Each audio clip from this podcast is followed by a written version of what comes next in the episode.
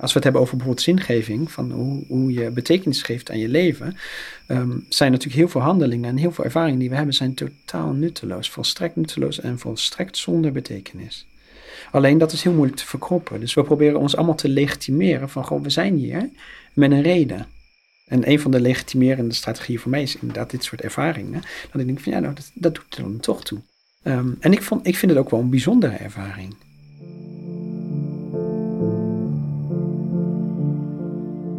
Spoken, vorige levens en bezoek van buitenaardse wezens. Vaak doen we het af als onzin. Maar of het nou te verklaren is of niet, invloed heeft zo'n ervaring zeker. Er is iets vreemds gebeurd. Een ode aan het niet begrijpen.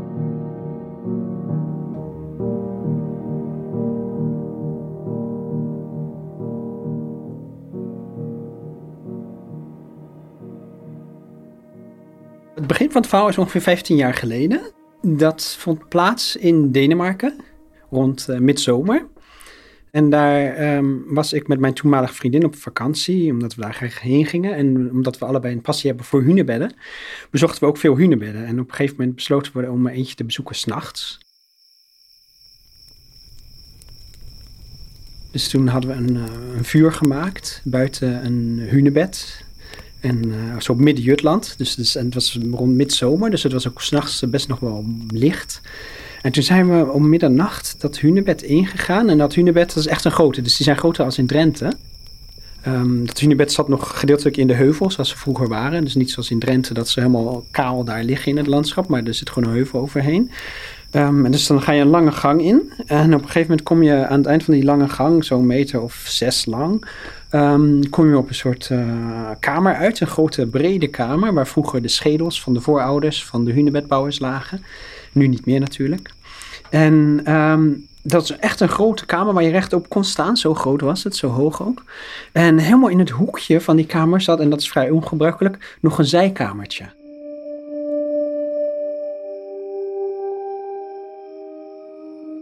En dat zijkamertje, daar moest je dus tussen twee graniet, blokken graniet zo helemaal naar binnen wurmen. Dus kruipend. En uh, dat was een kleinere kamer waar je niet echt meer, uh, moest je echt gebogen in. Dus je kon daar niet meer staan, het was niet hoog genoeg meer. En het was ook al een beetje wat benauwder en zo. Dus dan voel je die stenen om je heen en de stenen boven je. En dan kijk je met je zaklamp. En toen schenen we met de zaklamp in die ruimte, die denk ik ja, een meter, drie, drie maal vier meter of zo, dus niet zo heel groot was. En toen zat daar achterin, op een stuk graniet, een pad. En die pad zag er natuurlijk gewoon uit als een pad. Alleen uh, had deze pad maar één oog. Zo, gewoon een pad met twee ogen waarvan één oog niet functioneerde. En uh, dat kan natuurlijk allerlei verklaringen hebben, maar als je een beetje thuis bent in de Germaanse mythologie, dan um, is er een van de goden uit uh, de Germaanse mythologie, is, staat er onbekend dat hij A, uh, shapeshift, dus van vorm verandert, dus zich vaak ook als een dier manifesteert, en bovendien maar één oog heeft. En dat is Wodan, of Odin, zoals het in de Noord-Germaanse overlevering wordt genoemd.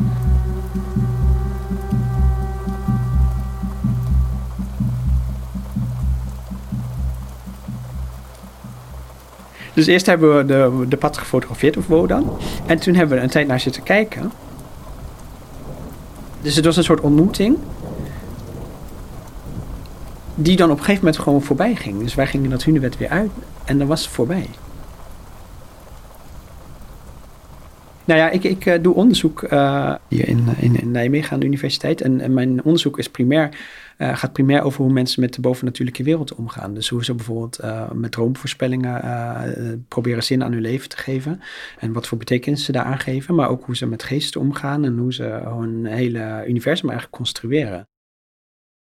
Ik had het intussen wel verteld aan een, uh, aan een vriendin van mij, een collega die in Amerika werkt. En die vond dat een ontzettend spannend idee. Um, en toen, uh, dus een paar jaar nadat dit gebeurd was, uh, kwam ze naar Europa toe om onderzoek te doen. Daar gingen we samen uh, een aantal bibliotheken af om, om oude handschriften en oude boeken in te kijken. En omdat ze er was, zei ze van, kunnen we dan ook naar Denemarken gaan? Kijk, voor een Amerikaan is natuurlijk Europa klein. kunnen we naar Denemarken gaan om, om naar Wodan te gaan. Dus dat hebben we gedaan. Toen hebben we hetzelfde weer gedaan, dus een vuur gemaakt buiten. eh, buiten het hunebed. En om middernacht het hunebed in. Dus wij gingen die gang weer in. Dus het, dat hele stuk weer tot die grote kamer. En toen in het hoekje van de grote kamer weer door de, het kleine ingangetje gewurmd naar die kleine kamer. En vol verwachting keken we achterin dat hunebed. Helemaal achter in de heuvel dus. En daar zat geen Wodan. Dus daar was helemaal geen eenogig pad. En we waren echt zwaar teleurgesteld, want toen dachten we van, goh, hoe kan dat nou? Want Wodan zal toch weten dat we op bezoek komen? Dus zijn we helemaal voor nop naar eh, Denemarken gereden. Dus hebben we een tijd nog daar gezeten, gewacht en eh, gekeken of Wodan toch kwam. En die kwam niet.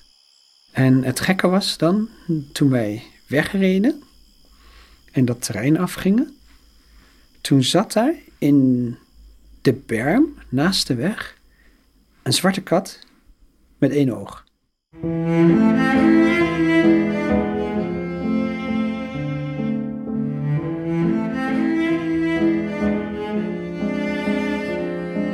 Wie s'nachts naar de sterren kijkt, ontkomt bijna niet aan de vraag: wat als er meer is daarboven? Heel soms ontmoeten we deze hypothetische figuren. Bijvoorbeeld wanneer een oude Germaanse god besluit uit de hemel neer te dalen. Maar soms laten de hemelse bezoekers zich niet meteen duiden. Een jaar of tien, twaalf dat ik geweest ben. En wij woonden in een huis. Eh, ik, mijn broer, mijn zus, mijn ouders. Alleenstaand huis aan een vrij rustige straat. En ik had een kamer, mijn slaapkamer, aan de voorzijde van het huis. Eerste verdieping. En s'nachts is het dan in de regel gewoon stil. Je hoort niks, je ziet niks. Je ziet straatlantaarns branden als je het gordijn open doet. En het was een vrij mistige avond. En ik ging gewoon slapen zoals ik normaal ging.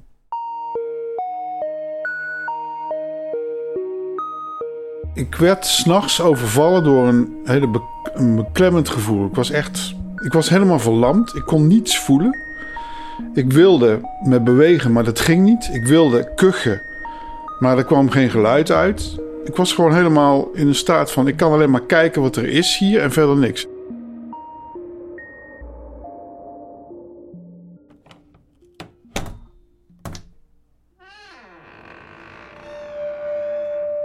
De deur van mijn slaapkamer ging open en er kwamen vier gedaantes binnenlopen. En die kon ik dus echt zien en waarnemen. Zilveren pakken. En zij pakten mij met vieren op en droegen mij over de overloop. De trap af en ik ging dus langs de, de slaapkamers waar ook mijn broer, mijn zus en mijn ouders sliepen. En ik, ik wilde waarschuwen of alarm slaan, maar ik, het ging niet. Ik was gewoon helemaal, ja, zoals ik zeg, verlamd. Ik werd de trap afgedragen door de voordeur naar buiten.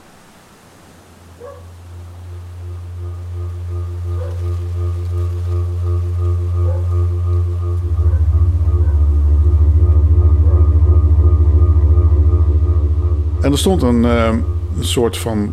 eh, ja, zo'n zweefvliegtuig zonder vleugels. Ik weet niet hoe je het moet zeggen. Het is een soort rupsachtig voer- voertuig stond op straat.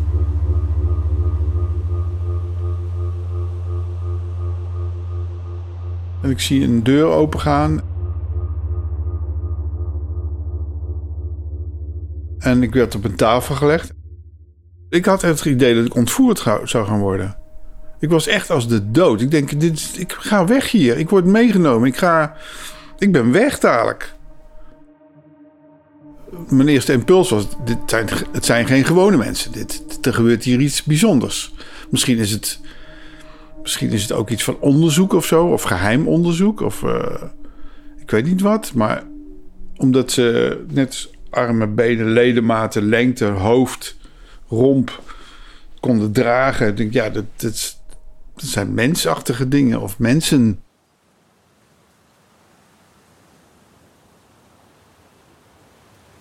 En vanaf dat moment weet ik ook echt niet meer wat er gebeurd is.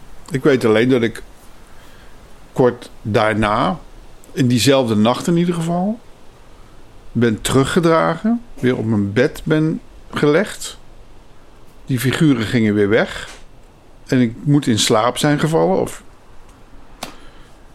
En dat, dat was het. En ik werd wakker de volgende dag. En het, het stond me dus nog steeds bij dat me dat is overkomen. Het staat me ook nu nog steeds bij dat het me is overkomen.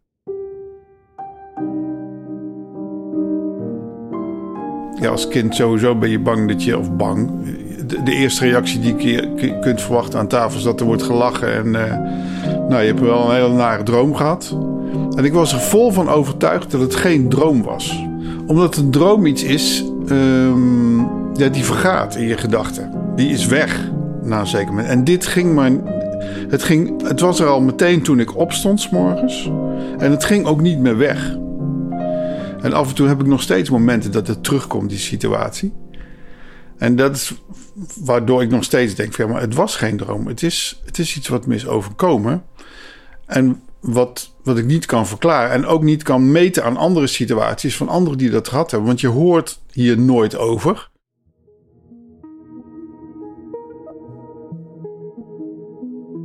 Één keer een pad zien met één oog en denken dat Wodan is, dan ja, ben ik het mee eens. Dat is natuurlijk een, een wetenschappelijk dunne basis om, eh, om zo'n conclusie aan te verbinden.